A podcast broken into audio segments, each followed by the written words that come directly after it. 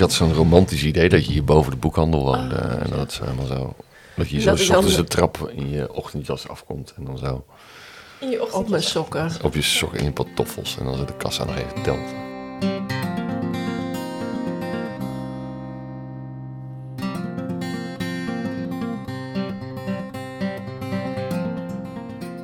Welkom bij de lezers van Over het Water, de podcast van Boekhandel Over het Water. Het gesprek in de boekhandel rechtstreeks in je oor met, Luc Tepen. hallo Luc, Hallo. en eh, met mezelf, Lot Doeze. Ik ben de eigenaar van de winkel. En Luc, wat deed jij hier ook alweer? Ik verkoop de bomen van Oh ja. Alberts. Precies, Luc verkoopt de bomen van Alberts. Mhm. Eh, dit is aflevering 2 van seizoen 3. En we hebben een gast deze keer, en dat is Chris de Jong van uitgeverij Koppernik. Welkom Chris. Dankjewel. We, gaan het, eh, we hebben je uitgenodigd eh, vanwege de, het winnen van de Europese Literatuurprijs. Ja, ja heel Door- erg blij mee. Ja. Ja. Dat kan me voorstellen, ja.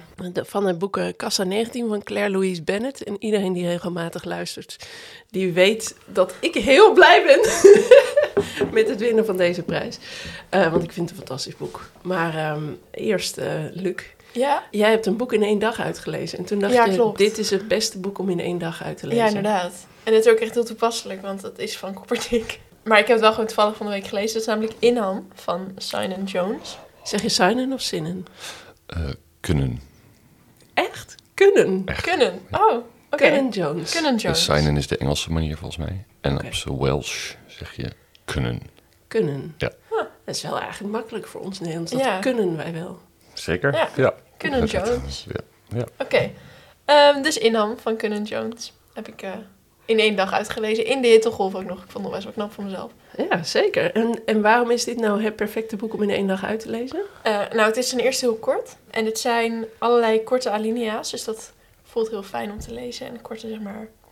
Nou ja, het zijn niet echt hoofdstukjes, maar toch wel een soort van korte hoofdstukjes. Het is heel erg onderverdeeld in korte stukjes. En dat vind ik heel fijn, want dan lees ik het snel door. Want dan denk ik de hele tijd, jee, ik heb weer een stukje gedaan. En het is een soort verhaal wat echt zo helemaal je vastgrijpt. En dan wil je niet meer stoppen. Het gaat over een man die aan het kano is op de zee. En dan drijft hij af. Oh, spannend. Ja. Wat gebeurt er? Hij Hij- drijft toch niet af? Huh, jawel? Hij wordt geraakt door de bliksem. Oh ja, dat is het. Ja. Is dat geen plotspoiler? Nee, maar Dat knip je er toch uit? Ik kan toch niet zo openbaar... Oh, nu, eh, nog, nu moet ik het nog meer Maar uitknippen. dat gebeurt ook wel best wel in het begin.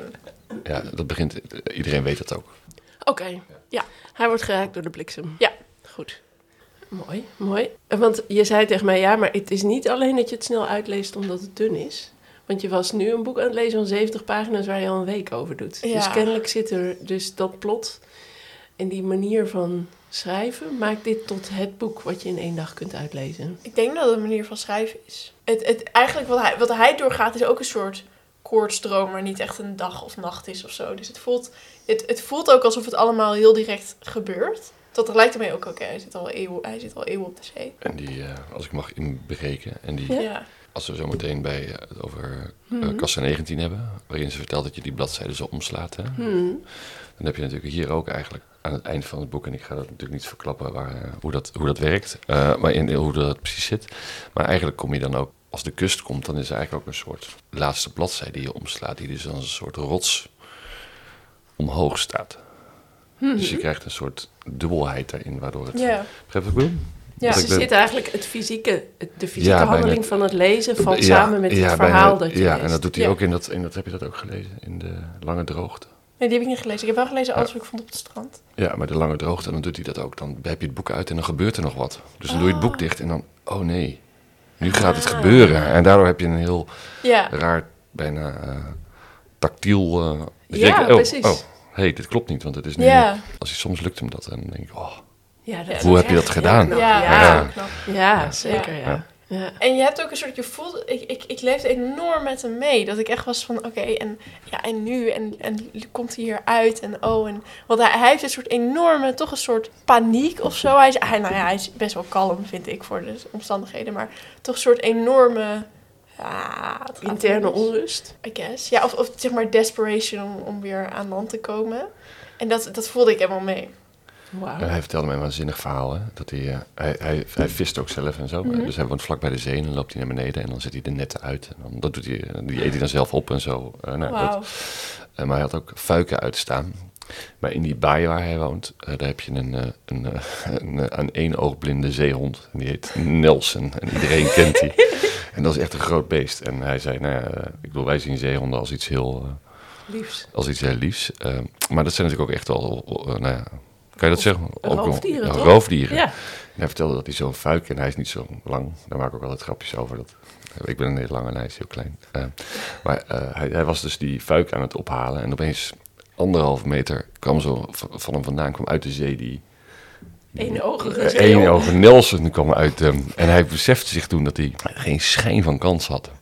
Als er iets zou gebeuren. Dus hij keek Nelson aan in zijn ene oog. Ze zaten zo. En toen zei hij, toen, nou, ik heb het, eh, hij heeft het, na zes bier heeft hij de oerschreeuw gedaan die hij toen deed. En toen is hij zo hard mogelijk zo uit de zee gerend. Het was de dood voor Nelson. Ja. Een soort eh, Het echte, zeehondenpiraat. het echte monster van het Verenigd Koninkrijk is niet Nessie, maar Nelson. Nelson, Ja, de nice. one eye. Je moet even Nice. opkijken, want dan komt de klant. Kom maar hoor. Ga jij? Ja, is goed. Oké, Oké. oké. Ik zet hem even op pauze.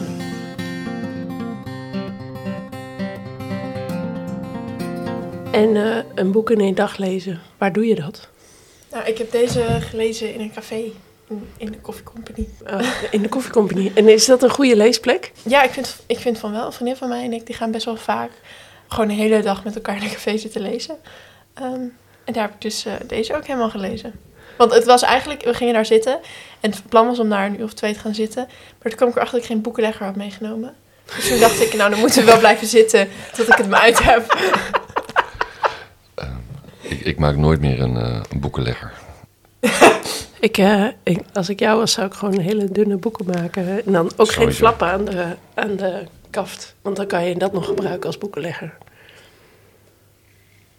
Dat doe ik namelijk altijd. Oh, die is, je, je bedoelt dat je de pagina's binnen de, binnen de flap duwt. Zoals jij hier hebt gedaan met je eigen boek. ja, nee, sorry, ik begreep niet wat je bedoelde, maar helemaal. eh, Nee, dat zou ik nooit meer doen. Geen flappen meer, Geen flappen Geen meer. flappen meer. geen boekenleggers. Geen en dan boekenleggers. moet je, ze, moet je ze in één keer uitlezen. Ja. En onze verkoop ging ontzettend omhoog nadat we dat gedaan hadden. Ja. Goed Mooi. wel een mooi argument. Ja, toch? Ja. Ja. ja, Ik vind het ook... eh, ik had hier nog niet bij stilgestaan, maar ik ga dus ook geen boekenleggers meer uitgeven van de winkel. Uitdelen. Ja, ik was wel Uitgeven even in de zin door. van uitdelen, Ja, ja, ja, ja. Maar we zijn hier eigenlijk met jou, Chris, vanwege Kassa 19. Waarvan het ik echt heel erg blij ben dat, dat hij de Europese Literatuurprijs heeft gewonnen. Omdat ik ook dacht, dit is wel een boek dat zich niet zo makkelijk laat grijpen. Vind je niet? Nee, dat, eh, ja, dat, zou je zo kunnen zeggen. Ja. Ja, Ja. ik vond het echt fantastisch. Maar ik heb geloof ik op mijn buikbandje staat... meesterwerk, maar niet makkelijk. Nee, maar eh, ja, het, het hoeft toch niet. eh, De, de Europese Literatuurprijs is het. hè? Dus het hoeft niet makkelijk. Ver. Ja. Oké, dat is waar. eh, Ja, ja, ja.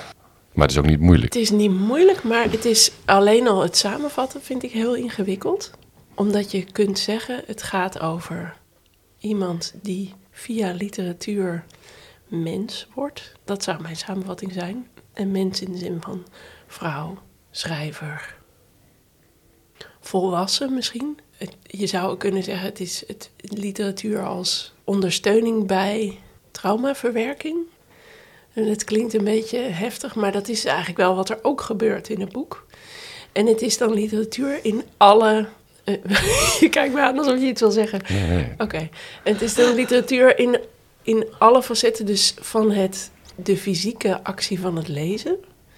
Wat voor mij, zij beschrijft dat van zichzelf. Ik neem aan dat het boek over Claire Louise Bennett zelf gaat, al is dat helemaal niet gegeven. Dus eigenlijk is dat invulling. Eh, Hoe, hoe, eh, ik herinner, zij beschrijft dat als kind, hoe ze eigenlijk niet eens een boek kon lezen, omdat het, het vasthouden van het boek al zo'n ervaring was. Dat herinner ik me ook als kind. Dat dat het papier, de kaft, en dat dat allemaal meespeelt in je leeservaring. En dan gaat het ook van haar eigen ervaring als schrijver. Haar, een, een soort uitgebreide samenvatting van een onafgemaakte roman. Is die onafgemaakt? Ja, hè? Nee. Bedoel je Kassa 19? Nee, nee, ik bedoel dat verhaal wat ze, wat ze samenvat middenin over die... Nou ja, ik denk, nou, daar komen we vast nog wel verder op, op terug ook, maar dat juist in dit boek dat het daar niet, dat het juist niet gaat over af of onaf of wat het boek is, maar veel meer hoe het boek is. Dus dat het een heel ander soort idee is wat ehm, literatuur dan ook mag zijn. Begrijp je wat ik bedoel? Ik denk dat ik begrijp wat je bedoelt, maar ik weet niet of ik het met je eens ben. Dat is, is, eh, zoals we afgesproken ga ik nu fluisteren. Nee, nee, alleen als je ongelijk hebt. Ja, waarschijnlijk Je heb hebt ik nog geen ongelijk. Ik denk dat als je een boek tussen kaften hebt, dan is het af. Dan, dat, dat, is, dat is denk ik... Dat, je bedoel, je kan natuurlijk als Hamid heeft zo'n mooie uitspraak over... Ik schrijf een half boek. De tekst, de lezer doet de rest. Ehm, de tekst danst, de lezer danst. Samen dansen ze. Dat vind ik echt een fantastische uitspraak. Dat is natuurlijk waar. Maar tegelijkertijd, het is ook niet zo dat er nog iets ontbreekt. Dus in die zin is het af. Het is wat het is. Het is, het is zeg maar, je kan ook van die koekjes zeggen die hiervoor ontstaan. Ja, die gaan we natuurlijk, maar natuurlijk, ja, zeker. Dat is natuurlijk Ja. de, de, het feitelijke product. Ja, Ja, Ja. maar, ja. maar dat, ja. Als je dus een eh, roman hebt waar een, eh, een plot in zit, wat heel Mhm. erg duidelijk is, dan, dan, dan is dat plot bedoeld om een bepaalde hoeveelheid pagina's te beslaan. Mhm. En dan krijg je dus een begin en het einde. En dan heb je dus eigenlijk, dat bedoel ik dus met af of onaf. Terwijl dat in dit boek denk ik dat dat daar niet zozeer om gaat. Dat het veel meer gaat over hoe die lezer is. Of, en hoe die hoofdpersoon is. En, en, en dat, dat, dus dat, dat het een veel meer een, eh, een narratief is wat dus drijft op de hoe-vraag dan op de wat-vraag. Begrijp je wat ik daarmee... eh, eh, Ehm, maar en, dan, zelfs en dus bij aan een boek komt altijd een einde. Mhm. Dus dat is, ja, dat, eigenlijk zou je natuurlijk het liefst willen. Bijvoorbeeld als je zou willen dat een boek echt op je leven zou willen lijken. Dan komt er ook een einde aan, omdat je op een gegeven moment overlijdt. dus er komt een einde aan. En dus komt er ook een einde aan een boek. Hè? Dus dat is. eh begrijp je wat, eh, wat? Hoe ik het. eh, ik, ik zeg de hele tijd, begrijp je? Dat is helemaal onnodig. Ik ga dat niet zeggen. Ik begrijp wat je zegt. Ehm, dus eh, het antwoord op de vraag is ja. Ik zal het niet meer doen. Je vraag. Ik, eh, het is meer dat ik zoek zo en dat ik dan het op die manier formuleer. Ik Ja. snap het. Ja. Ehm, eh, ik ik ehm, eh, ga graag met je op deze zoektocht. Ehm, eh, ja, ik ben het met je eens dat een traditioneel boek heeft een duidelijk begin en een eind en een middenstuk. Ik bedoel, dat is ongeveer eh, de definitie zoals die vaak gegeven wordt van een verhaal. Ehm, maar ik denk dus ook dat Claire Louise Bennett dat wel degelijk doet in dit boek. Die maakt een begin. Die kiest voor een begin, die kiest voor Ja. een eind. Die kiest ook voor midden. Je zei net al dat verhaal over die Romeinse boeken, een bibliotheekman. Ja, zeker. Ik ben heel slecht in namen. Dat zit wel degelijk om een reden in het midden. Natuurlijk, de, de, de volgorde is wel, die kan niet anders dan zo zijn. Ja, Ja. precies. Dus in die zin is het. Ehm, ik ben het met je eens dat ze zich volledig onttrekt aan allerlei regels van het schrijven van een roman. Ze onttrekt zich ook aan allerlei regels van het schrijven van een memoir. Dus ik weet ook nog niet steeds eh, waar we het in moeten delen. Maar Maar ik wil ik maak even mijn zin af. Ehm, maar ehm, het is wel degelijk een cons- constructie. Het is wel degelijk, ze is wel degelijk een verhaal aan het vertellen. Ja, maar als je je ontdoet aan, aan, aan, aan alle mogelijke. van alle mogelijke constructies, dan hou je natuurlijk uiteindelijk toch ook nog een eh, constructie over. Hè? Dus ik denk niet, dat je kan verdwijnen in het niets. En ik denk ook niet. ehm, maar nou, het is interessant. Laten we dan meteen even. Want ik wilde, mag ik nog op één ding oh ja, terugkomen? ja, ja, zeker. Want jij zegt, eh, je, je noemt dat nu, eh, ehm, ze ontdoet zich aan alle regels. Conventies zijn. Denk Conventie, ik. nou ja, maakt niet uit, maar... ehm, en eh, ik denk dat dat boek daar ook heel erg over gaat van... ehm, juist over die regel. Hè, dus het feit dat jij nu zegt... Of, het, of niet het feit, maar je, noemt dat nu... Er zijn, er zijn dus blijkbaar regels voor een roman. Terwijl eigenlijk dit boek gaat er juist heel erg sterk natuurlijk ook over... Nou, ik wil die regels niet. En alsnog is het een roman.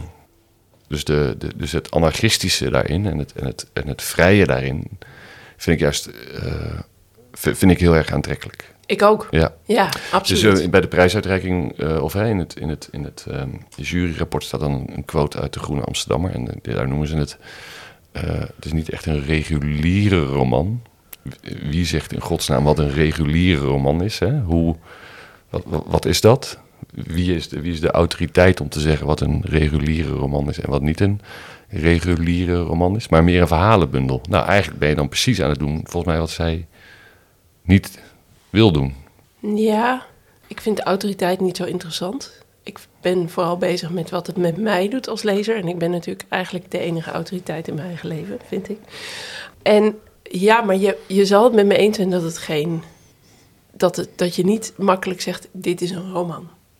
Ehm, ehm, en ehm, ik, ik, ik, je bent, als je het gaat lezen, ben je zoekende naar. Hey, je, je hebt altijd handvaten om de wereld in in te delen. dit is een tafel, dat is een boek, dat is een koekje.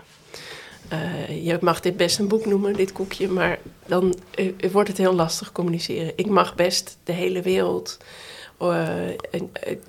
ongefilterd op me af laten komen, maar dan wordt het wel heel lastig om te navigeren. Dus als je een boek leest, dan ben je op zoek naar een soort van handvatten. Wat, wat ben ik aan het lezen? Waar, waar gaat dit heen? Dat komt omdat je zo gevormd bent door alle boeken die je al gelezen hebt. Er is een soort, er, is een soort mal in je hoofd. Mhm.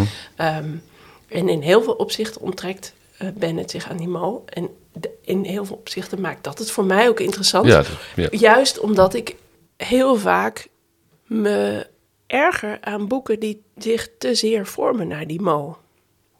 Ja. Uh, omdat ik dan denk, ja, dat is een trucje. Je kan, je kan regeltjes leren en je kan een boek maken. En dan heb je een trucje uitgevoerd. Maar dat trucje, dat staat dan zo ver af van mijn belevingswereld...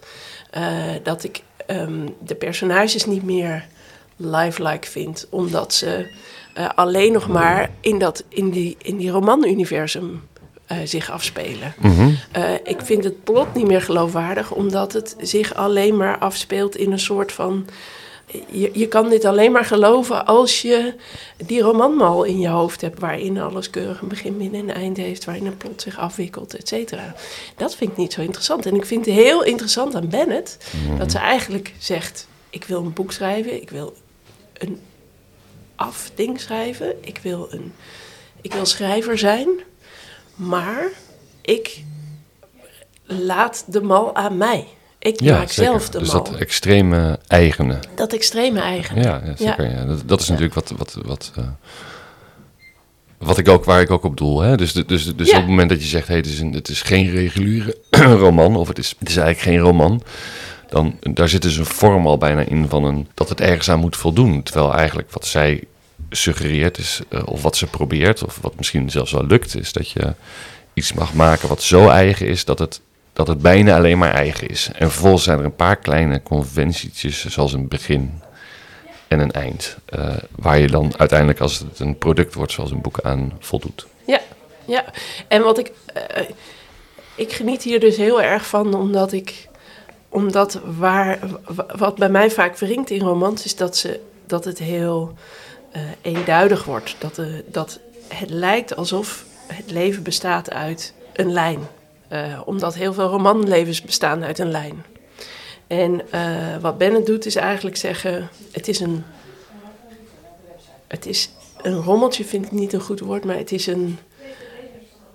Het is een ruis. Er is niet een lijn, die maak je zelf. Zij, zij maakt in dit geval.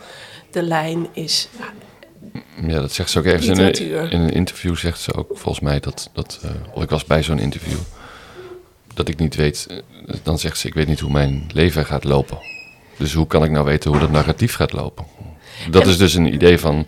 Zij noemen dan uh, uh, witte mannen in een, die aan Eton hebben gezeten. die en die weten gewoon, nou, mijn leven gaat zo en dan ga ik dan daarna dat doen en daarna dat doen en dan kom ik daaruit. Dus ja, dan kan je wel eigenlijk een narratief schrijven waarin het helemaal duidelijk is waar je gaat uitkomen. Want jouw leven gaat ook zo lopen, maar ik heb echt werk waar geen idee. Dus waarom zou mijn narratief dan zo moeten lopen dat ik wel weet waar ik uitkom? Het is ook, ik, ik vind het heel interessant dat je dit opmerkt, want voor mij gaat, uh, voor mij is het lezen van vrouwelijke auteurs interessant, juist omdat daar vaak zoveel ruis in die lijn zit. Maar ik dacht, ik ga dit niet zeggen, want ik heb. Ik... Maar die dingen kunnen ook naast elkaar bestaan. Hè? Het is niet alleen maar, ik bedoel, die, die, die verbeelding dat je wel weet hoe je leven eruit ziet en die verbeelding dat je niet weet, die dingen bestaan allebei in de literatuur natuurlijk. Dus het is niet het een sluit ja, het andere niet uit. Nee, natuurlijk. zeker niet. Nee. Maar ik, ik ben blij dat er steeds meer ruimte komt. Zeker. Voor, die, voor die, dat er in je leven vaak juist heel veel eigenlijk lijnen of, of, of richtingen tegelijk spelen. Ja, dat zeker. is wat zij ja. heel fantastisch laat zien. En ook dat je, dat je kunt zeggen.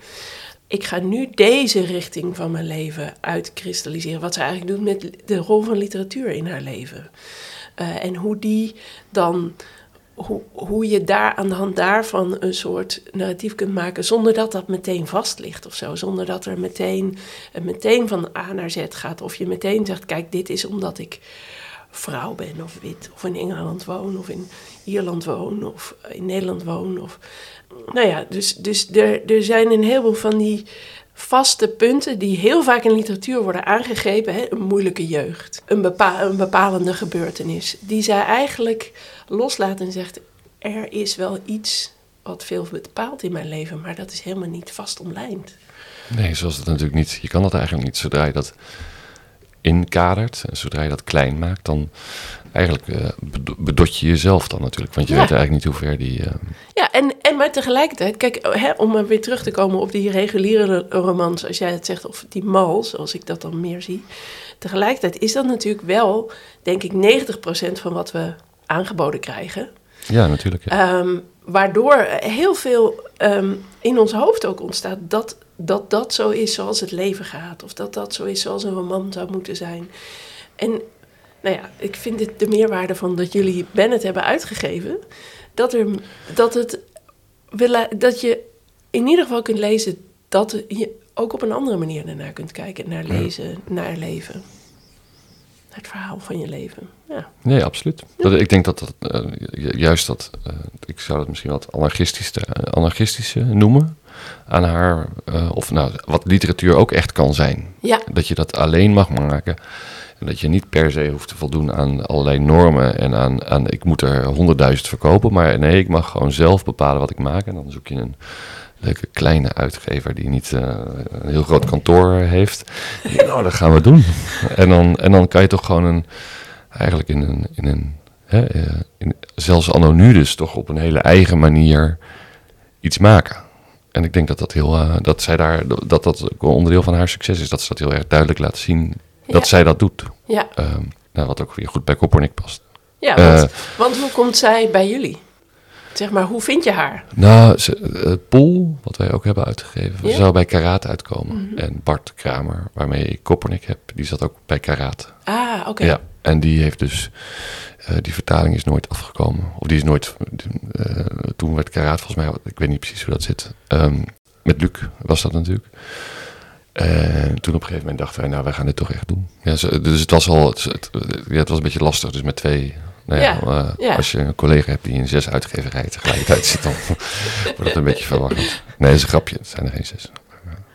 Het zijn er maar vijf. Het zijn er maar vijf. Maar, eh, en, eh, oké, dus, dat is, dat, dus dat is hoe, maar hoe besluit je, dit is een praktische deel, maar hoe besluit je van, oh ja, maar dit past in ons fonds? Nou, we hadden het, toen net hebben we daar, stopte dat gesprek even, maar Um, hoe, wat je dus heel erg, denk ik, ziet in, de, in literatuur is dat dat plot heel belangrijk is. En dat het narratief heel belangrijk is. En dat, als je, dat je dat ook op schrijversvakscholen, dat, dat, hè, dat krijg je allemaal geleerd. Uh, maar ik denk dat wat wij het allerbelangrijkste vinden is stijl. Is het stijl? Nou, wat, dus dat, dat, dat, ik denk dat, dat schrijfstijl, de manier waarop je schrijft, dat dat iets is wat je niet heel makkelijk aangeleerd kan krijgen. Je kan wel naar school gaan en zeggen schrijf een goede zin, maar schrijf maar eens een goede zin. Dat is echt verschrikkelijk, uh, echt moeilijk, vind ik. Niet, niet een grammaticaal juiste zin, maar ik bedoel een zin waarvan je denkt, nou hier zie ik jou, hier zie ik, een, hier zie ik het karakter van de auteur doorkomen. En dat is dus iets wat wij heel graag, eigenlijk al uh, iemand uh, zoals Wessel de Gussinklo, waar die heeft een waanzinnige eigen stijl. Alsof je in die camera zit en hij draait en hij zoekt en hij zegt ja, bijna zoals Bennett. Ja, nee, ja, ja. En hij herhaalt hij zich 25 keer dezelfde zin. Dan net een beetje anders. Dus dat hebben we eigenlijk vanaf het, proberen we eigenlijk vanaf het begin op een manier over literatuur na te denken die heel erg op stijl gebaseerd is. En dat verhaal, de, narratief, dat, dat nou ja, er zijn ook hele mooie boeken zonder, uh, ik kijk even jou aan, zonder narratief. Uh, zonder plot. Zonder plot, ja. En niet, het is correct, niet uh, narratief en plot zijn twee andere dingen. Um, dus dit, dus de stijl is, vinden wij waanzinnig. En daardoor heeft het dus, denk ik, oh ja, dat. Maar waarom ik er zo moeilijk bij kijk, is omdat ik, ik vind stijl een van de lastigste te, te definiëren zeker, eh, termen in de literatuurwetenschap. absoluut. En ehm, ik, ik zou, ik weet niet of ik, of het eerste wat bij me opkomt als ik aan Bennett denk, is stijl. Eh, omdat wat ik bij haar heel knap vind, is de constructie en niet zozeer de taalgebruik. Snap je het verschil? Ja, ik snap het dus. En ik heb het idee dat, ehm, zoals mensen vaak, en jij volgens mij net ook, doordat je zei zinnen maken, eh, eh, eh, mensen stijl definiëren als, als taalgebruik. Nee, dat- Terwijl ja. wat ik, wat ik bij, bij Bennett, ik- bij Bennett toont zich eigenlijk haar meesterschap, denk ik, in haar eh, alinea's en in haar keuze. Ja, maar van, dat bedoel ik. Ik bedoel niet, stijl is niet alleen, is niet alleen dat. Stijl is ook je, je stijl en de manier hoe je het verhaal vertelt. Dus, hè, Ja. Die zitten ook aan elkaar vast. Dus als je, als mensen, als je denkt dat je dat los kan koppelen en zeggen van, nou ja, dat is natuurlijk het idee dat je zoveel macht en controle hebt over je, over je, over je plot en je stijl, dat je dat allemaal helemaal kan, daar zit je zelf natuurlijk heel erg in als, Ja. als auteur. Ja, ja. Dus ik zou juist zeggen dat dat, dat, dat een één pakket is. Dat dat bij elkaar hoort natuurlijk en dat dat goed moet kloppen. Ja. Net zoals bij Evarista. Oh ja, je, je nieuwe obsessie. Ja. Luc heeft een nieuwe obsessie voor Bernardine Evaristo. Het is echt fantastisch. Ja. Maar die, ja. Dus Maar, ju- juist dat het stijl is dus meer, veel meer eh, hoe je in de wereld staat. Hè, op de, zou je kunnen zeggen. Eh, in de wereld of in het schrijven? ik denk dat als je als mens, eh, als auteur sta je in de, in de wereld en daardoor schrijf je op een bepaalde manier toch. Hmm. Want anders moet je dat weer uit elkaar halen, vond ik. Eh, Ja, ik ben, ik, ik ben, ik ben nooit zo geïnteresseerd in de auteur. Ik ben Nee, ik ook niet, maar ik bedoel dat- ik geïnteresseerd in het product. Weet ik, ook niet, ik ben En ook niet geïnteresseerd in de auteur, zo bedoel ik het niet. Maar alleen je leeft op een bepaalde manier en daardoor schrijf je natuurlijk op een bepaalde manier. Niet dat ik daardoor wil weten hoe die. Wat die ik, wil, ik bedoel dan niet mee te zeggen dat ik wil weten hoe die auteur leeft. Alleen, ik bedoel alleen te zeggen dat dat volgens mij één. Dat hoort bij Eén elkaar. Deze Kenan Jones die woont daar ook en die. Snap je, die is niet zo dat hij. Ja. Ja, ja, ik snap wat je bedoelt, ja. Dus iedereen probeert het alles zo te delen. Zo.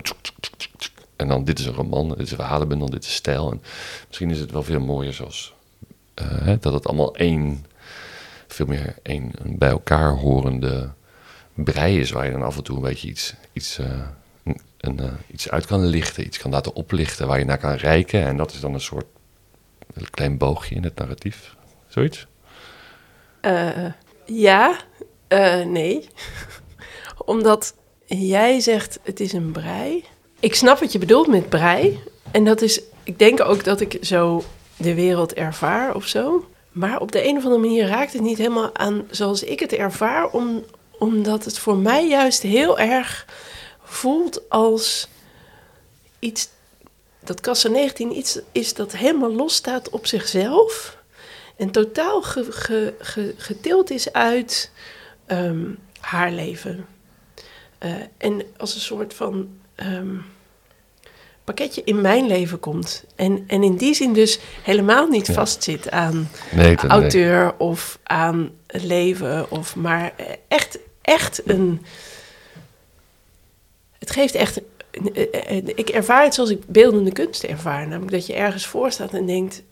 Dit, is, Mhm. dit staat totaal overal los van. Dit is alleen mijn ervaring. En die doet iets met mij.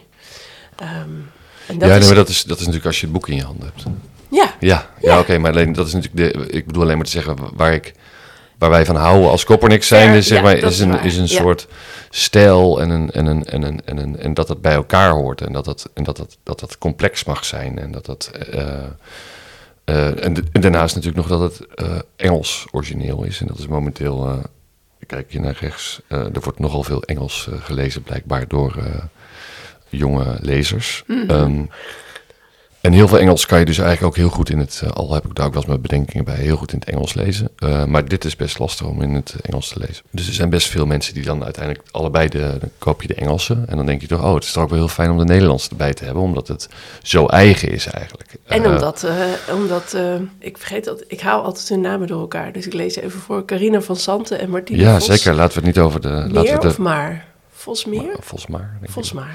Want die prijs is natuurlijk ook voor hun, hè? Dus het is niet, eh, het is voor de auteur en voor de En voor de vertalers. Ja, zeker. Dus, dus het- ja, het is juist die prestatie eh, van de vertalers die...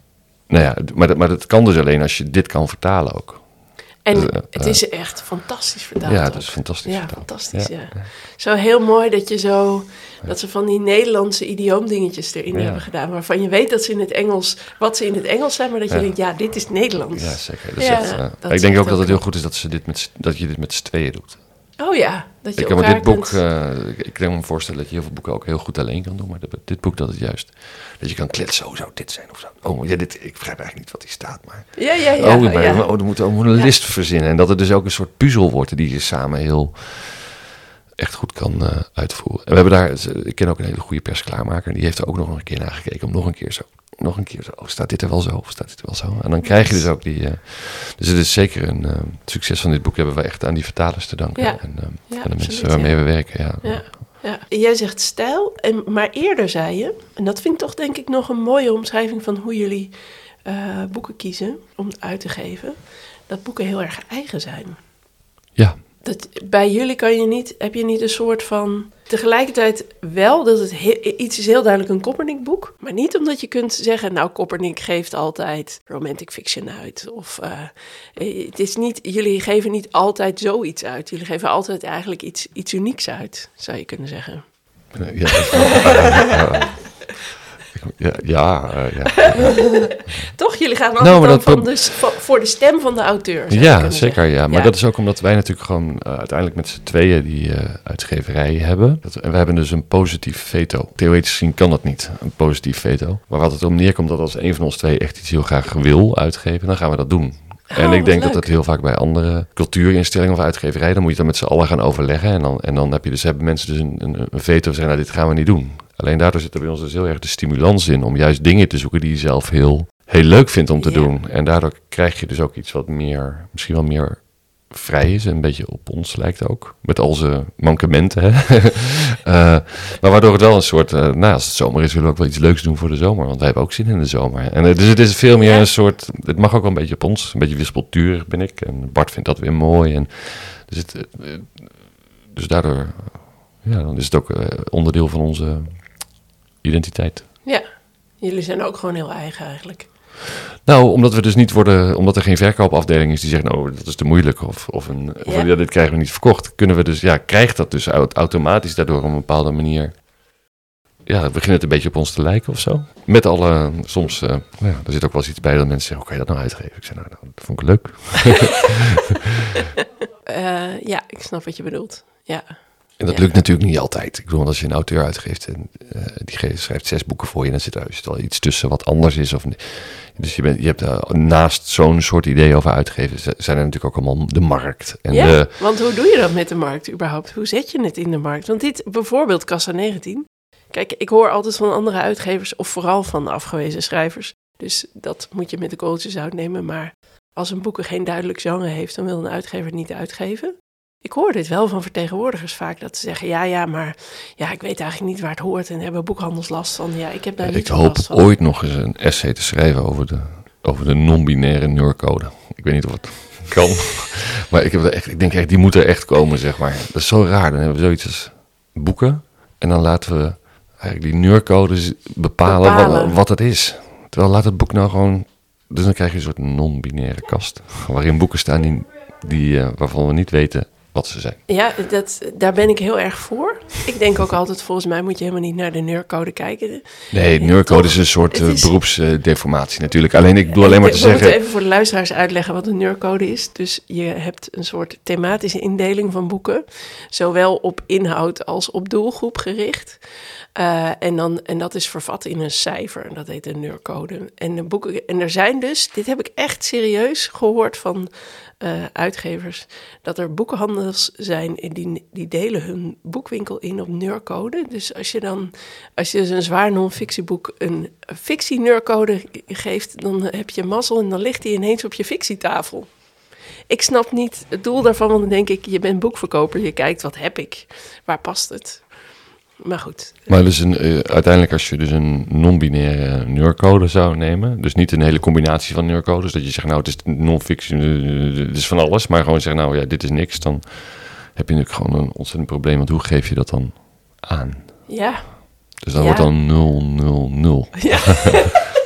Maar ja dat, is, ook- ja, dat is ook weer niet wat... Maar begrijp je wat ik bedoel? Is eigenlijk gewoon, wil je een boek schrijven, er zit gewoon geen... Je moet een optie hebben, gewoon geen neurcode. Gewoon geen enkel nummer. Ja, dat zou... Nou ja, een ISBN is wel handig. En geen ISBN. nee, wel een ISBN. Ja. Maar, maar natuurlijk, maar... Dus, dan, dus over haar wordt gezegd, het is geen... Het, eh, mensen zeggen het is een verhalenbundel over Kassa 19. Of het is een, eh, een eh, essaybundel. Of het is, en waarom wil iedereen dat nou in een... Laat het toch gewoon zijn wat het is. Waarom, waar, wat, wat, wat is het toevoegen van die waarde? Wat, wat, wat, wat heeft het voor zin om te zeggen, het is een, het is een dit? Laat nou gewoon dat... Ik wil laat het boek nou gewoon zijn... Een, een, een ja, eh, dit is het. Maar dat is misschien een beetje romantisch, maar... Het lijkt me... Ja. Ehm, kijk, ik ben tegen het inrichten van je boekwinkel volgens neurcodes. Ehm, Nee, ik heb het specifiek over Nee, nee, ja, 19. nee, nee, wacht, wacht, wacht. Ik was nog niet klaar. Ehm, maar ik ben wel heel erg voor weten, wa- zeg maar, ik, heb, ik raad heel graag boeken aan. En omdat we met elkaar communiceren en dan woorden nodig hebben om te duiden, vind ik het wel handig om te kunnen zeggen, dit is dit. Ehm, puur omdat ik dan eh, een elevator pitch eh, sneller kan doen. En een klant heeft gemiddeld maar 30 seconden of zo. Bij wijze- hè, dus, dus dit is een, vanuit een, een ehm, Kapitalistisch, ja. vanuit een zeer kapitalistische. vanuit dat ik jouw boeken verkoop. Zeker. Dus ja. ik daar ook iets over te zeggen wil hebben. Ehm, is het. Da, da, dat is eigenlijk waar, waar mijn worsteling zit. En omdat je dus ook, als je begint te lezen. ehm, een soort. Je, hebt een. Ik, ik heb wel gelezen dat mensen zeiden van. Oh ja, maar ik. Maar wat ben ik aan het lezen? Wat ben ik aan het lezen? En dat, dat werpt een drempel op. Die ik het liefst weg zou nemen. Omdat ik zo graag zou willen dat mensen niet bezig zijn met. Wat ben ik aan het lezen? Maar met. Dit ben ik aan het lezen. En ehm, daarom ben ik misschien, dus jij zegt een non-binaire neurcode, misschien ben ik voor een soort van nieuwe term. eh, die, die boeken zoals Kassa 19, want er zijn natuurlijk wel meer boeken die op, die, op dat snijvlak van roman, verhalenbundel, memoir, essay zitten. Eh, ik denk aan Vivian Gornick bijvoorbeeld. Ehm, waar je eigenlijk, wat je eigenlijk heel graag zou willen kunnen zeggen: oh ja, dit is een zwag. Of zo. Ja, ik probeerde, een ik kon ook flups zeggen, maar dat klinkt zo negatief. Dus ik dacht: oh, maar deze zwag moet je echt lezen. Dus, Luc, zeg jij eens wat? Ik ben even aan het kijken of de persoon die daar nu voor ons is gestopt hier naar binnen komt of niet. Nee. Daar was ik op gefocust. Nou, ik, heb, eh, ik ben het wel eens met jullie, maar tegelijkertijd... ehm, het is, ik vind het ook heel handig inderdaad als ik met klanten praat. Om gewoon dat soort woorden te kunnen hebben waarmee ik kan vertellen wat het is. Maar als ik zelf boeken lees, ook niet weet wat het is. Er zijn heel veel boeken die, waar ik in ga, niet wetend of het essays zijn of fictie of memoir. Weet je, een beetje op, dit raakvlak inderdaad. Ik heb deze niet gelezen. En dan hoef ik dat helemaal niet te weten. Als je toch iemand ontmoet op straat, dan hoef je toch ook niet... eh, Hallo. Hi, kom binnen. Nou ja, als je iemand op straat tegenkomt, ik heb het onthouden, dan zou het best wel ideaal zijn dat je diegene kan zien zonder dat je eerst denkt dat is een man of een vrouw of een. Maar dat je eerst zou kunnen zeggen, hé, hey, dat is een mens. Nou ja, misschien kan je dat ook wel bij een boek zo doen. Hé, hey, dit is eerst gewoon een boek voordat je zegt dat het een Ja. roman is of een essaybundel of een. eh, Maar mensen kun je, los van al deze dingen, kun je, die maken helemaal niet uit of je die, die, die mens mag. Je kan overweg komen met iemand van elk gender en elke huiskamer, et cetera. Ik denk niet dat dat zo is voor boeken. Nou, en bijvoorbeeld, ehm, Luc heeft een vriendin die is bijna volledig blind. mhm. Ehm, en als we over die vriendin praten, dan benoemen we dat natuurlijk niet. Want wij weten dat. Het Ja. is geen is- issue meer. We maken er grappen over. Daar kan die vriendin ook heel goed tegen. Daar maakt ze zelf ook grappen over. Als je iets met haar wil afspreken met iemand anders, dan Mhm. is het wel handig als we tegen diegene zeggen dat ze blind is. Want dat heeft gewoon consequenties voor hoe je op dat moment je opstelt Zeker, in de natuurlijk. afspraak. En zo is het met een boek ook. Dus je kan, je kan zeggen, dit is een boek. Maar dan is het wel voor de manier waarop je dat boek oppakt... is het wel handig om te weten... Ik weet niet of dat. Ik, ik, ik droom toch stiekem dan van een, eh, dat het mogelijk is dat je daar. eh, dat, dat kunst zich daar in ieder geval aan probeert eh, te ontworstelen. En ik geloof dus niet in de zin van het ontworstelen daaraan. Ehm, omdat ik denk dat communicatie altijd gepaard gaat met je hebt woorden. En zolang je er allebei je ervan bewust bent dat die woorden ook maar een manier zijn om te communiceren over de werkelijkheid. En dus niet een vast, iets vasts hebben. eh, dan, ehm, eh, dan, dan, dan kun je gewoon met die woorden wel overweg. Zolang je zegt, je, ik kan vrouw zeggen, maar ik bedoel daarmee niet een vrouw met deze maten, met zulke tieten, met zulk haar, met deze eigenschappen. Maar gewoon zegt, ja, eh, het is makkelijk om iemand een vrouw of een man te noemen.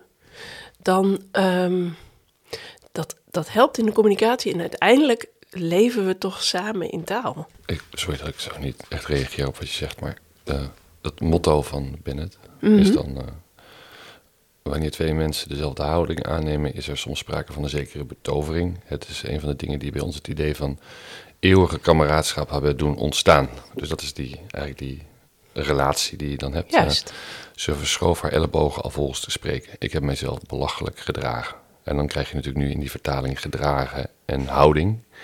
Maar eigenlijk als je dus allebei jezelf belachelijk, eh, als je allebei een belachelijke houding aanneemt, maar hij is wel hetzelfde, dan krijg je dus kameraadschappelijkheid. Ja, En dan ben je het eens en dan... Begrijp je wat ik bedoel? nee. Oh, oh, oh ja, nee, ze komen niet bij ons. Ehm, Ja. Nou, du- dus, dus, dus in, die, in, die, in, die, in die communicatie is als je jezelf, als je daar gemeenschappelijkheid in vindt, kameraadschappelijkheid in vindt, maar die is vervolgens, gedraag je je allebei hetzelfde, maar die, die gedraging is, is, eh, is belachelijk, dan heb je dus kameraadschappelijkheid gebaseerd op, Belachelijkheid. ja, op belachelijkheid. Ja. En, eh, Maar dat eh, is niet erg, toch? Nee, ja, belachelijk in de zin dat het eh, grappig als, als belachelijk. eh, dat het, maar nee, maar ik bedoel, dat is natuurlijk soms wel heel erg. Want een, dat, geldt, dat geldt in zin- ook voor een, voor, voor, voor een neonazi. Begrijp je wat ik bedoel? Die, ja, eh, dus zeker. Die, dus, dus nee, die, maar zeker. Ja. Ja, da- ik begrijp heel goed wat je ja, bedoelt. dus daar zit een hele. de- Dus juist in die. In maar die het is, maar daarom, maar, maar dit is, het, het is ook volstrekt zonder morele ondertoon. Dus communicatie is in principe zonder morele ondertoon. Wij kunnen eh, heel extreemrechtse taal gaan uitslaan. Oh, Luc eh, is totaal zijn concentratie kwijt. Nee, nee, nee, ik wil wat zeggen. Alleen jullie geven me nooit een kans. Nee, maak je zin af. Ik zit al vijf minuten te wachten. Oké, sorry. Maar maak je zin af. Ehm, eh, dus het, het, is, het is totaal zonder, zonder moreel oordeel. Hè? Dus communicatie is communicatie. Wat je daar ook mee zegt, onderling. Als je, ehm, eh, als je elkaar daarin vindt. Da- eh, je kan daarna daar allemaal morele oordelen over hangen, aanhangen. En dat is ook nuttig, denk ik. Maar te constateren dat je taal nodig hebt om met elkaar te communiceren... en om daar een gemeenschappelijkheid in te vinden... dat is zonder morele ondertoon. Dat is. Wat ik wilde zeggen, maar ik weet niet of het nu helemaal aansluit. Maar dat het me ook een beetje doet denken aan wat Wittgenstein zegt. Want die zegt dat ehm, dus taal compleet, in woorden compleet andere betekenissen kunnen hebben voor verschillende personen. En dat daarom bijvoorbeeld heel moeilijk is om die polarisatie te overbruggen, omdat woorden andere dingen betekenen. Of dit kwam ik laatst tegen, want ik, heb, ik doe de theorie autoles. En dan leer ik dus het verschil tussen een fietsstrook en een fietspad. Toen was ik aan het fietsen met mijn broertje en die zei, ga op het fietspad. En zei ik, nee dat is een fietsstrook. En toen werd helemaal gefrustreerd, want dat is gewoon, je woorden kunnen andere dingen betekenen voor andere mensen. Ja, dat is ook zo. Maar tegelijkertijd, als je geen woorden hebt, kun je helemaal niet meer naar het fietspad. Nee. Misschien, misschien kan je dus ook wel gewoon niet naar het fietspad. Nou, het was een fietsstrook, dus ja. Ja, ja, niet uh, fietsstrook, sorry. ja. Ja, de optimistische noot is misschien dat het dus onmogelijk is om te communiceren. Precies, precies. Het is allemaal zinloos. Ja, en, en, en mijn optimistische noot is dan dat het me toch alsmaar lukt om met mensen te communiceren. Bijvoorbeeld dit gesprek met jou. Maar misschien, is toch? het, misschien is het wel mislukt. Ik vind het toch eigenlijk best goed gelukt. Eh, Ik ook. Ja, Luc? ja, ik vind het ook wel gelukt. Mooi. Wij hebben in het intermezzo jouw koekjes al geproefd. Oh, Ja, want ik dacht, Chris moet zo weg. Dan Ja. kunnen we er nog even wat over zeggen. oké. We hebben nu geproefd uit het kookboek. De Bijbel van de Libanese keuken, kun je me aangeven? Ja, zeker. Het is ehm ongelooflijk roze. Het is ontzettend roze. Hij, nou, een beetje meer persik. Niet echt, als je zegt ongelooflijk roze, dan denk je Barbie roze. Maar goed, het is de Bijbel van de Libanese keuken. Ehm, Hij met- is geschreven door Marijn Tol. Ja, en eigenlijk heel veel andere mensen. Want eh, zij heeft dus heel veel door Libanon ge- ge- gereisd. Mhm. Gerezen? Gereisd. Anyway, ehm, de, en dus het zijn ook vooral heel veel recepten die ze heeft verzameld. Dus soms staat er ook in de alinea erboven nog bij van... Ik heb dit gekregen van een oma die het voor mijn Google Translate heeft getikt. Dus het is niet allemaal per se van, direct van haar. Het zijn heel veel recepten ingedeeld op gebied. Van Op gebied, Libanon. niet Ja. op gerecht. Nee, Oké. dat is soms een beetje moeilijk zoeken. Dus je hebt per gebied begint het een beetje met voorgerecht, hoofdgerecht, dessert. Dus als je een dessert wil, moet je wel even overal doorbladeren. Ehm, ik vind het ook een klein beetje onhandig, want er staat niet goed bij of iets een hoofdgerecht is of niet. Hm. Dan kom je soms een beetje klein uit. Een non-binair hoofdgerecht. Ja, precies. Het, is- het is gewoon eten wat je aan toe moet gaan zonder verwachtingen. Ja, Zeker, ja. ja. dat, ik- Maar hoe, zo- hoe zorg je er dan voor dat je genoeg hebt? Ja, dat is dus een beetje moeilijk. Dus mijn broertje ging er laatst uit koken. En toen moesten we toch nog even naar de Albert Heijn om er nog wat bij te halen. Ja. Ehm, maar het is allemaal ontzettend lekker. Ik heb hem gekocht omdat ehm, eh, een café waar ik wel eens ga lezen een Libanese keuken heeft. En ik dacht, oh, dat wil ik eigenlijk ook wel zelf maken. Of eigenlijk heeft mijn oma toen voor mij gekocht. Maar niet uit. Ik ging daar dus uit koken. Ik heb er deze koekjes uitgekocht. Ze waren heel makkelijk. Behalve dat ik zelf de ghee moest maken. En dat had ik een beetje verkloot. Dus nu is maar de helft ghee en de andere helft is gewoon normale boter. Maar goed. Oké, dus je hebt eh, het, hoe heet het recept? Oh ja, goh. Dat moet ik even opzoeken. Dat is dus heel moeilijk. Oh. Nou, even. het zijn witte koekjes. Oh, het, volgens mij is het witte koekjes met amandel, met oranjebloesem En pistache. en pistache. Waar ik, ja, mijn leven voor heb geriskeerd. Ze zijn inderdaad eh, eh, redelijk wit. Er zit een pistachenootje bovenop. Ja, wat vond jij ervan? Ja, de textuur is een beetje vreemd. Eh, want je verwacht iets veel kruimeligers. Ja. Maar dat komt misschien omdat je de gluten te veel hebt laten werken... doordat je mm, het deeg misschien te lang bewerkt hebt. Ja, want ik wist niet zo goed wat 3 centimeter was. Dus ik had eerst veel te grote koekjes gemaakt. Precies. Hey, maar ik vind die oranjebloesemwater vind ik heel lekker. Het is een heel subtiel eh, smaakje erin. Ja, ik vind ze wel heel lekker. Ik heb wel een beetje het idee... volgens mij kan je deze toch eigenlijk gewoon beter bij een Turkse bakker of een... Of zo kopen. Dat zou mijn eh, gedachte zijn. Omdat ik denk dat er heel veel zeg maar, er zit heel veel vaardigheid in. Volgens mij moet je gewoon 30 van die batches koekjes bakken en dan komt het goed. Ja, Het tweede is gewoon hartstikke lekker. je moet er meer nemen dan één, denk ik. Oh, dat is het gewoon. Ja, want nu, is hij, eh, nu zit hij echt zo wel lekker, lekker een vol smakelijk mond, eh, mondgevoel. Ja, dat kan, ja. Ik ben een culinair eh, recensent.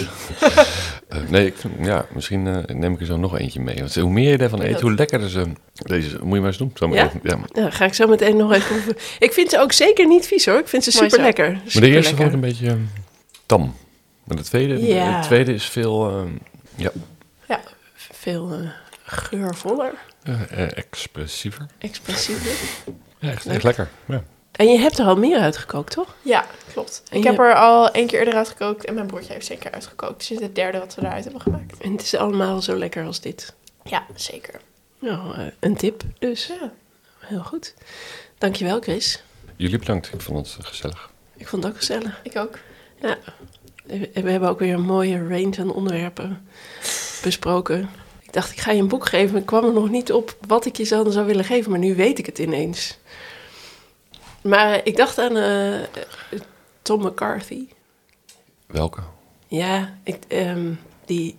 eh, Ik heb de eerste paar wel gelezen. ja, ja, ik dacht aan de eerste. Maar hij heeft nu net een nieuwe. Zal ik je die geven dan? Die is, en die is wel heel. ehm, dit gaat namelijk over in hoeverre je de werkelijkheid wel of niet moet beschrijven. En hij is heel erg. Hij is natuurlijk in dat eerste boek zit hij al zo. Mhm. Gaat het eigenlijk alleen maar over. Ergens zegt hij: elke onderneming is in feite alleen maar een logistiek probleem. en dat, Ja. en dat, en dat, dat, ik zie dat ook zo. Eigenlijk, communicatie is gewoon ook eigenlijk een logistiek probleem. En eh, hij heeft dus aan het, in, de, in dat nieuwe boek is het, gaat het heel erg over logistiek. De stappen die iemand zet, de bewegingen die iemand maakt. Ja, nou, ik, eh, ik hou me van harte aanbevolen. Ik eh, ga hem zo voor je pakken. Eh, dan moeten wij nog zeggen, geef ons sterren Vijf. liefst. Liefst. Minder mag ook wel. Nou, vier mag. Ja, en drie één ook. mag. Nee. Maar twee of drie vind ik nutteloos. Jij, maar jij vond dat één wel mocht, maar ik niet. Drie van de drie en hoger. Oké. En eh, kom naar de winkel. Van de Pekstraat 59 in Amsterdam-Noord. Vind het hartstikke gezellig. Goed zo. Nou, dat is het belangrijkste. Ja. Ik ben alleen eh, allergisch voor pistas. Jij ook al. Oké, Vallen we nou, samen dood. Ja, Ja, dan ga ik. ja. Oh, dat is een leuk plot voor een. podcast, een murder. eh, ja.